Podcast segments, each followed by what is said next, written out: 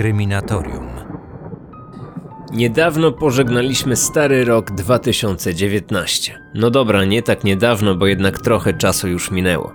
W każdym razie dziś, w tym odcinku, spróbujemy podsumować najważniejsze wydarzenia minionego roku związane ze śledztwami z polskiego Archiwum X. Jaki był to rok? Czego udało się dokonać, jakie sprawy udało się wyjaśnić i w jaki sposób udało się to zrobić, których zabójców udało się zidentyfikować i posadzić na ławie oskarżonych, a kogo udało się już skazać. W pierwszej kolejności opowiemy o kilku przypadkach, w których policjantom udało się po wielu, wielu latach zidentyfikować osoby, które mogły mieć związek z danym zabójstwem. Zostały one w ubiegłym roku zatrzymane. W skrajnych przypadkach moment ten nastąpił po upływie aż ćwierć wieku od zabójstwa. Możemy sobie tylko wyobrazić kompletne zaskoczenie na twarzach ludzi, którym zapewne wydawało się, że ryzyko wpadki mają już dawno za sobą i że nic już im nie grozi. Nic bardziej mylnego. Paradoksalnie, upływ czasu działa w tym wypadku na niekorzyść sprawców. Postęp w dziedzinie technik wykrywczych i kryminalistycznych jest tak duży, że właściwie żaden bezkarny zabójca nie może dziś już spać spokojnie. Kryminatorium. Otwieramy akta tajemnic. Zacznijmy więc od sprawy spod Włocławka. 76-letnia Stanisława Rybka, mieszkanka miejscowości Ładziewniki pod Włocławkiem, została zamordowana 9 października 97 roku na drodze leśnej łączącej jej dom z centrum Ładziewnik. Pani Stanisława była pogodną, powszechnie lubianą osobą mężatką, matką kilkorga dorosłych już dzieci. Razem z mężem żyli skromnie, spokojnie w domu położonym na obrzeżach wsi. Tego feralnego dnia, w czwartek 9 października około godziny 7 rano pani Stanisława jak co 2-3 dni wybrała się piechotą do sklepu w Ładziewnikach. Miała przy sobie portfel z niewielką ilością gotówki, prawdopodobnie kilkadziesiąt złotych. Droga do sklepu wiodła przez dukt leśny długości około jednego kilometra. Jednak do celu pani Stanisława już nie dotarła. Na jej drodze stanął wtedy jeszcze nieznany mężczyzna. Brutalnie ją zaatakował i przeciągnął ciało w głąb lasu. Przyczyną śmierci było uduszenie. Motywem zabójstwa był rabunek. Sprawca zabrał ofierze portfel z pieniędzmi.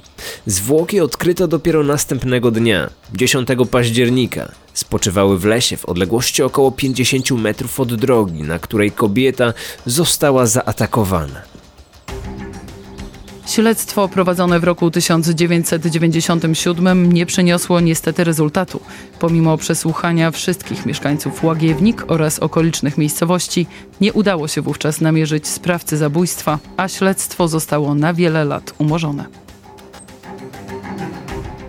I dopiero w ubiegłym 2019 roku w styczniu w mediach pojawiła się lakoniczna informacja, że sprawą zabójstwa Stanisławy zainteresowało się kujawsko-pomorskie Archiwum X. W oficjalnym komunikacie wydanym przez Komendę Wojewódzką Policji w Bydgoszczy mogliśmy przeczytać.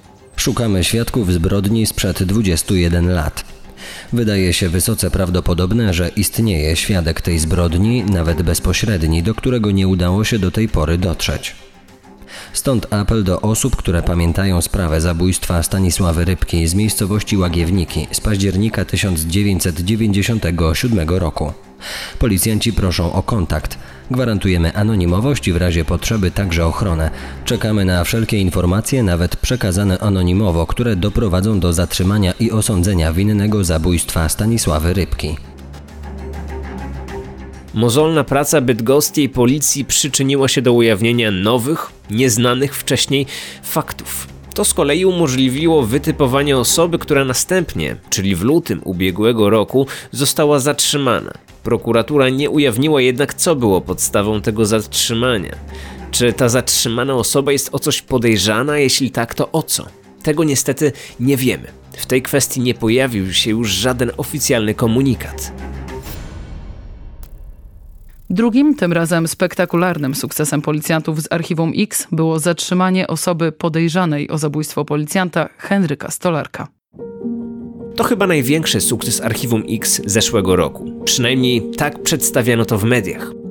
O tej sprawie wspominałem już zdawkowo zarówno w podcaście, jak i w nieco obszerniejszym materiale filmowym na kanale Niediegetyczne na YouTube. Dla osób, które znają kryminatorium wyłącznie ze Spotify, a wiem, że takich osób jest sporo, przypominam, że na YouTube prowadzę także kanał i tam również pojawiają się filmy o sprawach kryminalnych.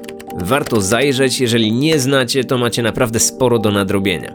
Starszy sierżant Henryk Stolarek, 38-letni mąż oraz ojciec dwójki dzieci, zginął podczas wykonywania obowiązków służbowych w nocy z 23 na 24 marca 1994 roku w okolicach Sieradza. Policjant wykonywał samotny patrol, poruszał się służbowym policyjnym polonezem.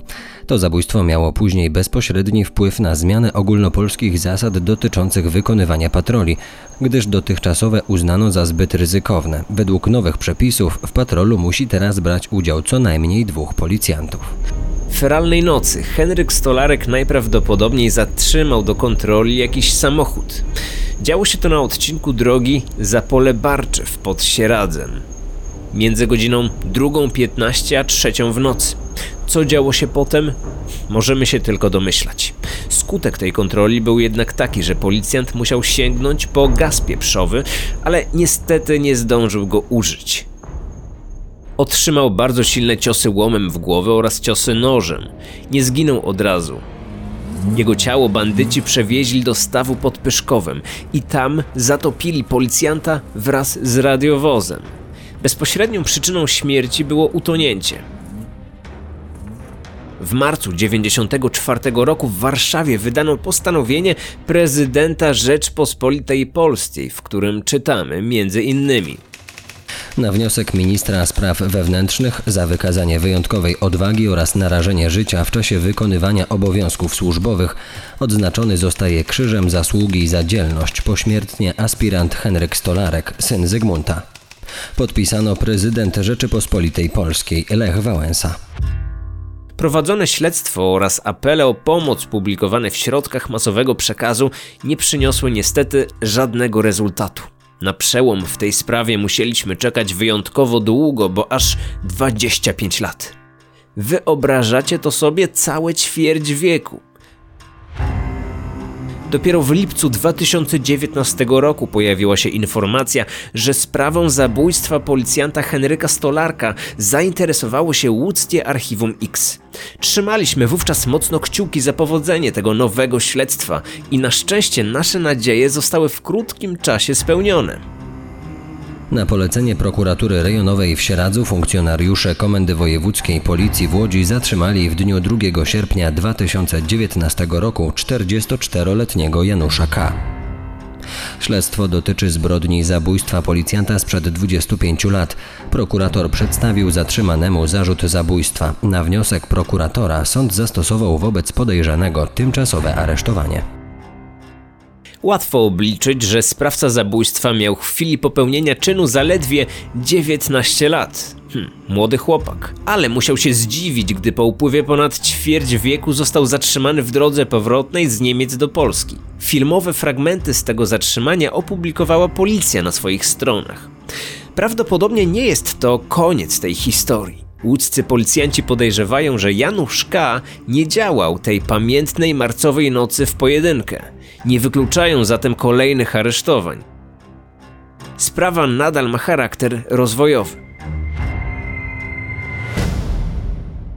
Także w sierpniu, lecz tym razem w okolicach Gliwic, zatrzymano mężczyznę podejrzanego o zabójstwo emerytowanej pielęgniarki z Bytomia, Marii Boni. 66-latka została uduszona we własnym mieszkaniu, w kamienicy w centrum Bytomia. Był to piątek 17 marca 2000 roku. Przypuszczalnym motywem działania sprawcy był rabunek. Mieszkanie nosiło ślady plądrowania, ale w śledztwie nie udało się jednoznacznie ustalić, czy cokolwiek zostało skradzione.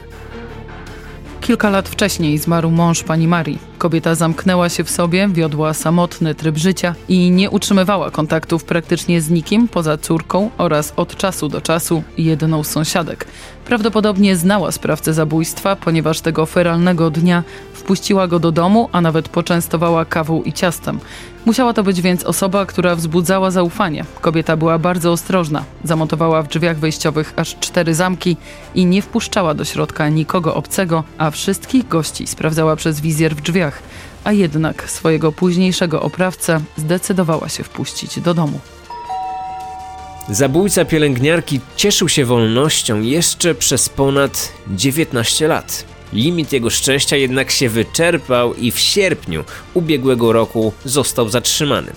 Był to 48-letni mieszkaniec jednej z podgliwickich miejscowości. O sukcesie śląskiego Archiwum X poinformowano na oficjalnym portalu polskiej policji. Kryminalni ze Śląskiego Archiwum X skrupulatnie przeanalizowali akta umorzonego postępowania. Śledczy podjęli współpracę z policjantami z Laboratorium Kryminalistycznego Komendy Wojewódzkiej Policji w Katowicach, którzy wykorzystując nowoczesne metody badań ponownie poddali analizie zabezpieczony w 2000 roku materiał dowodowy. Wykonane w tej sprawie czynności naprowadziły kryminalnych na trop 48-letniego mieszkańca jednej z podgliwickich miejscowości. Dalsze ustalenia prowadzone przez śląskich śledczych pozwoliły na zatrzymanie mężczyzny oraz przedstawienie mu zarzutów. 48-latek został doprowadzony do prokuratury okręgowej w Katowicach, gdzie usłyszał zarzut zabójstwa, za co może mu grozić nawet dożywotnie więzienie. Decyzją sądu na wniosek śledczych mężczyzna trafił do aresztu. Przejdźmy teraz do stosunkowo świeżej informacji o kolejnym zatrzymaniu. W Wigilię Bożego Narodzenia 2019 roku na trasie Mońki-Knyszyn w województwie podlaskim białostoccy policjanci zatrzymali 56-latka. Jest on podejrzany o zabójstwo 73-letniej kobiety, pani Stanisławy, samotnej mieszkanki jednego z domów przy ulicy Sienkiewicza w Hajnówce. Zbrodnia miała miejsce hmm, w prima aprilis, w 96 roku, a więc sprawca uciekał sprawiedliwości przez 24 lata. Według doniesień niektórych mediów, już w roku 96 mężczyzna ten znajdował się w kręgu podejrzanych, a okolicznością obciążającą miał być znaleziony w jego mieszkaniu flakonik rzadko spotykanej marki perfum z Niemiec. Taki flakonik dostała pani Stanisława w prezencie od wnuczki. Jednak w tamtym okresie to był zbyt słaby dowód. Jak w takim razie doszło do przełomu po 24 latach? Jak policjantom udało się zdobyć mocniejsze dowody? Policjanci z podlaskiego Archiwum X wspólnie z policjantami z komendy w Hajnówce kilka miesięcy temu ponownie rozpoczęli analizę materiałów umorzonego już śledztwa okrutnej zbrodni sprzed 23 lat. Nowe spojrzenie na sprawy śledczych i prokuratora z prokuratury w Hajnówce nadzorującego postępowanie, gromadzenie nowych dowodów oraz analiza śladów zabezpieczonych na miejscu zbrodni pozwoliły na ustalenie tożsamości jednej z osób, która mogła dopuścić się tego zabójstwa. Analiza wskazywała na ówczesnego mieszkańca Hajnówki, który bezpośrednio po zbrodni przeprowadził się do Wasilkowa. Mężczyzna od tego czasu, pomimo że wcześniej znany był hajnowskim policjantom ze swojej przestępczej działalności, nie miał konfliktów z prawem. Pracował jako kierowca w jednej z firm transportowych mieszczących się na terenie powiatu monieckiego. W Wigilię został zatrzymany pomiędzy Monikami a Knyszynem przez policjantów samodzielnego pododdziału kontrterrorystycznego policji w Białymstoku, gdy wracał do domu po zakończonej pracy. Policjanci zatrzymali jego samochód na krajowej 65 w wigilijne południe. Zatrzymany 56-letni mężczyzna był zaskoczony akcją funkcjonariuszy. Bezpośrednio po zatrzymaniu trafił do policyjnego aresztu, a następnego dnia do hejnowskiej prokuratury, gdzie usłyszał zarzut zabójstwa i decyzją sądu został tymczasowo aresztowany. Za zbrodnię, o którą jest podejrzany, grozi mu kara dożywotniego pozbawienia wolności. Ta i inne przedstawione historie stanowią kolejny dowód na to, że nawet po upływie wielu, wielu lat sprawcy zabójstw nie znają dnia i godziny, kiedy upomni się o nich sprawiedliwość. Kiedyś nieuchwytni, pewni siebie, hmm, panowie życia i śmierci, dziś mogą zostać zaskoczeni w najmniej spodziewanym momencie. Na ulicy, w domu, w pracy, wszędzie. Policjanci mają coraz więcej możliwości i coraz większe doświadczenie. Suma tych faktów powoduje, że o kolejnych sukcesach jednostek Archiwum X słyszymy coraz częściej i pewnie jeszcze nie jeden raz usłyszymy w nadchodzących miesiącach i latach. Możemy postawić taką hipotezę, ponieważ w ubiegłym roku Archiwum X zainteresowało się również kilkoma sprawami. I choć sprawcy tych zbrodni nadal przebywają na wolności, ich szanse na dalszą bezkarność zmniejszają się z każdym dniem. Powrót do starych spraw w policyjnych jednostkach Archiwum X. Zacznijmy od głośnej historii zabójstwa 19-letniej Alicji Baran. Dziewczyna została zamordowana przez nieustalonego sprawcę najprawdopodobniej 19 sierpnia 1997 roku. Jej zwłoki znaleziono niemal miesiąc później w lesie nieopodal trasy Lemborg-Łeba. Ostatni raz widziano Alicję żywą na rogatkach Lemborka, gdzie czekała na okazję. Zamierzała przedostać się autostopem do Łeby, a tam czekała na nią przyjaciółka w wynajętej kwaterze. Sprawcą zbrodni najprawdopodobniej był więc kierowca samochodu, do którego wsiadła Alicja. Było to najprawdopodobniej zabójstwo na tle seksualnym, choć ze względu na daleko posunięty rozkład ciała nie udało się jednoznacznie stwierdzić, czy dziewczyna została zgwałcona. Pomimo zakrojonego na szeroką skalę śledztwa ogólnopolskich apeli o pomoc w rozwiązaniu zagadki zabójstwa Alicji Baran, m.in. za pośrednictwem kilku programów telewizyjnych, a nawet interwencji jasnowidza, nigdy nie udało się zidentyfikować sprawcy mordu. Jest jednak nadzieja, że wkrótce może się to wreszcie zmienić. W lipcu 2019 roku prokuratura w Lęborku przesłała akta sprawy do Gdańskiego Archiwum X. Pomorscy policjanci po raz kolejny przeanalizują zebrane dowody i kto wie, może tym razem doczekamy się wreszcie przełomu w śledztwie. Według informacji niektórych głosów pojawili się podobno nowi świadkowie i nowe dowody, które rokują nadzieją na postęp w poszukiwaniach mordercy. I to samo pomorskie archiwum X powróciło do innej, dawno już umorzonej sprawy, czyli zabójstwa Danuty Napieralskiej. 38-letnia mieszkanka Lęborka, mężatka i matka trojga dzieci, została zamordowana we wczesnych godzinach porannych w niedzielę 10 lutego 91 roku. Wracała wtedy piechotą z prywatki u znajomych. Z niewiadomych powodów nie skręciła jednak w ulicę prowadzącą do domu, pomimo tego, że na zegarach minęło już godzina czwarta. Kontynuowała spacer drogą wiodącą w kierunku centrum miasta. Po przejściu kilkuset metrów dotarła do przejazdu kolejowego. Tam została zaatakowana przez nieznanego mężczyznę lub mężczyzn. Przebieg ataku nie został w pełni zrekonstruowany. Wiadomo, że gdy napastnik zaczepił panią Danutę, udało się jej w pewnym momencie wyrwać, zaczęła uciekać wzdłuż torów kolejowych. Niestety napastnik nie dał za wygraną. Dogonił ją po około 200 metrach, następnie pobił do nieprzytomności, a ciało pozostawił w pobliskim rowie melioracyjnym. Gdy sprawca odchodził z miejsca ataku, kobieta wciąż żyła. Przeleżała w rowie kolejne 4 godziny, zanim nadjechała spóźniona pomoc lekarska. Pani Danuta zmarła około godziny 10.45 na stole reanimacyjnym Lęborskiego Szpitala. Zabójstwo pani Danuty do dziś pozostaje owiane tajemnicą. Kto i dlaczego ją zaatakował? Być może była to zbrodnia na tle seksualnym choć i tego nie udało się jednoznacznie potwierdzić. Do roku 96 o zabójstwo podejrzewano Leszka Pękalskiego, czyli tego słynnego wampira z Bytowa. Jednak ostatecznie Pękalski został oczyszczony z zarzuconego mu czynu. Na długie ponad 20 lat sprawę odłożono na półki słupskiego archiwum. Dopiero na początku października 2019 roku pojawiło się światełko nadziei, że zagadkę uda się wreszcie wyjaśnić. W mediach pojawił się komunikat pomorskiej policji. Policjanci z Gdańskiej Komendy Wojewódzkiej zajmują się sprawą brutalnego zabójstwa 39-letniej kobiety sprzed 28 lat. W okolicy znalezienia ciała około godziny 6 dwóch świadków zauważyło mężczyznę zachowującego się podejrzanie. Ukrywał się on w rowie melioracyjnym i unikał kontaktu wzrokowego ze świadkami. Na podstawie ich zeznań sporządzono portret pamięciowy.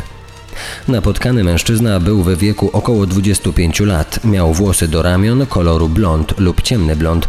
Miał około 175 cm wzrostu. Ubrany był w ciemną kurtkę z podniesionym kołnierzykiem. Do tej sprawy powrócili policjanci z Gdańskiej Komendy Wojewódzkiej. Poprzednie ich realizacje, chociażby zatrzymanie mężczyzny podejrzanego o zabójstwo z 1998 roku, świadczą, że i ta sprawa znajdzie swój finał, a sprawcy tego zabójstwa odpowiedzą za zbrodnie sprzed lat. Wszystkie osoby mające jakiekolwiek informacje w tej sprawie proszone są o kontakt. Policjanci zapewniają anonimowość.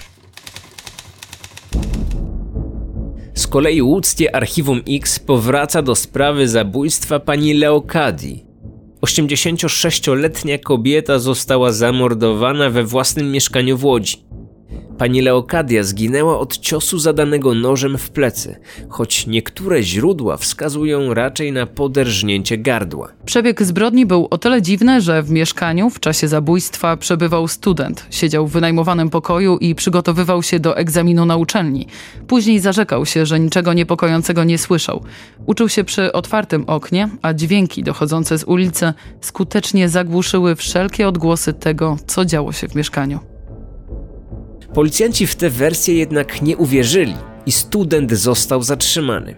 Jednak po przeprowadzeniu eksperymentów procesowych śledczy uznali, że rzeczywiście student mógł nie zdawać sobie sprawy z tego, co działo się w pomieszczeniach obok. Tym bardziej, że sąsiedzi mieszkający w tej samej kamienicy zgodnie potwierdzali obecność na klatce schodowej nieznanego mężczyzny który kręcił się tam w godzinach popołudniowych, czyli wtedy, gdy zamordowano panią Leokadię. Kim w takim razie był morderca? Czy była to ta widziana przez sąsiadów na klatce osoba? A może ten nieznajomy przybywający obok miejsca zbrodni zjawił się tam zupełnie przypadkowo i nie miał żadnego związku ze śmiercią kobiety? Na podstawie zeznań sąsiadów sporządzono portret pamięciowy tego mężczyzny, a następnie opublikowano go innymi w telewizyjnym magazynie kryminalnym 997.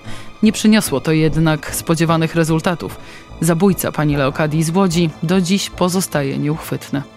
Ale na jak długo? Być może czas zwyrodnialca dobiega powoli końca. 10 października ubiegłego roku pojawiła się w mediach następująca wypowiedź policjantów z łódzkiego Archiwum X. Wróciliśmy do sprawy. Dokładnie analizujemy akta i zabezpieczone w śledztwie dowody. Może przy zastosowaniu współczesnych technik uda się wreszcie ustalić, kto dokonał tej makabrycznej zbrodni? Dodajmy jeszcze, że i do tego zabójstwa przyznał się swego czasu Leszek Pękalski i nawet wziął udział w wizji lokalnej na miejscu zbrodni, ale wycofał się z tej wersji jeszcze przed rozpoczęciem procesu sądowego. Ostatnia historia, którą zainteresowało się Archiwum X i którą chcę dzisiaj przypomnieć, to sprawa zabójstwa Antoniego Wojnara, 32-letniego zastępcy kierownika jednego z supermarketów w Rzeszowie. Pan Antoni został zamordowany w miejscu pracy w sobotę wieczorem 13 marca 1999 roku. Supermarket Biedronka przy ulicy Ofiar Katynia 15 w Rzeszowie był czynny do 20. Jednak feralnego wieczora pan Antoni pozostał w nim dłużej, by obliczyć całodniowy utarg. W pewnym momencie, już po zamknięciu sklepu, zjawili się tam zabójcy. Prawdopodobnie był to ktoś znany panu Antoniemu, gdyż ten dobrowolnie otworzył drzwi. Po przedostaniu się do środka sprawcy zaatakowali mężczyznę na hali sklepowej, a następnie przeciągnęli jego ciało na zaplecze do pokoju kierownika. Bardzo dobrze znali rozkład pomieszczeń, wiedzieli, którędy wiodła droga, nie błądzili. Na zapleczu ofiara, wciąż dająca oznaki życia, została skrępowana taśmą samoprzylepną. Taką taśmą sprawcy owinęli też głowę pana Antoniego, powodując jego zgon przez uduszenie. Po napadzie bandyci uciekli ze sklepu inną drogą, znaną tylko pracownikom, bądź ewentualnie ich znajomym. Na zwłoki natrafiono około godziny 23. Ochroniarze byli już zaniepokojeni, że o tak późnej porze wciąż nikt nie włączył jeszcze zabezpieczeń antywłamaniowych. Motywem zabójstwa był rabunek. Ze sklepu zginęło około 10-11 tysięcy złotych. Od tej zbrodni już wkrótce upłynie 21 lat, a jej sprawcy wciąż pozostają nieuchwytni. Jednak wkrótce może się to zmienić. W połowie grudnia 2019 roku podkarpacka telewizja poinformowała o powrocie policjantów z Archiwum X i do tej zagadki. Obecnie możliwości techniczne analizowania śladów znalezionych na miejscu przestępstwa są o wiele większe niż wówczas. Baza danych o odciskach linii papilarnych AFIS jest stale uzupełniana, a wówczas zabezpieczono wiele śladów daktyloskopijnych. Mamy możliwość stosowania komputerowej, graficznej progresji wiekowej, wówczas nieistniejącej. Dziś dysponujemy wieloma instrumentami analizy danych, które przed dwiema dekadami były znacznie mniej zaawansowane. Czekamy też na reakcje potencjalnych świadków, którzy mogą mieć wiedzę o zdarzeniu. Każda nowa informacja jest weryfikowana, każdy ślad ponownie analizowany bez potrzeby formalnego podjęcia śledztwa. Jak zapewniają policjanci, nic nie jest jeszcze stracone. Sprawcy zabójstw wciąż muszą liczyć się z możliwością, że pewnego dnia, i to wcale nieodległego dnia, na ich nadgarstkach zatrzasną się kajdanki, a resztę życia od tego momentu będą spędzać za kratkami. Przykładów takich sytuacji w tym podcaście mieliście całkiem sporo. Na dziś kończymy temat Archiwum X, ale wracamy do niego już w następny poniedziałek. Skupimy się wtedy na śledztwach, które znalazły już swój finał w sądzie. Powiemy więc trochę o procesie w sprawie Iwony Cygan, oskurowanej Katarzyny z Krakowa i kilku innych historiach. Przypominam jeszcze na koniec, że odcinki w serwisie YouTube pojawiają się z opóźnieniem tygodniowym albo dwutygodniowym. Jeżeli więc słuchasz tego materiału na YouTube, możesz się już przełączyć na Spotify, aby odsłuchać kolejny epizod z serii o Archiwum X. Do usłyszenia na Spotify.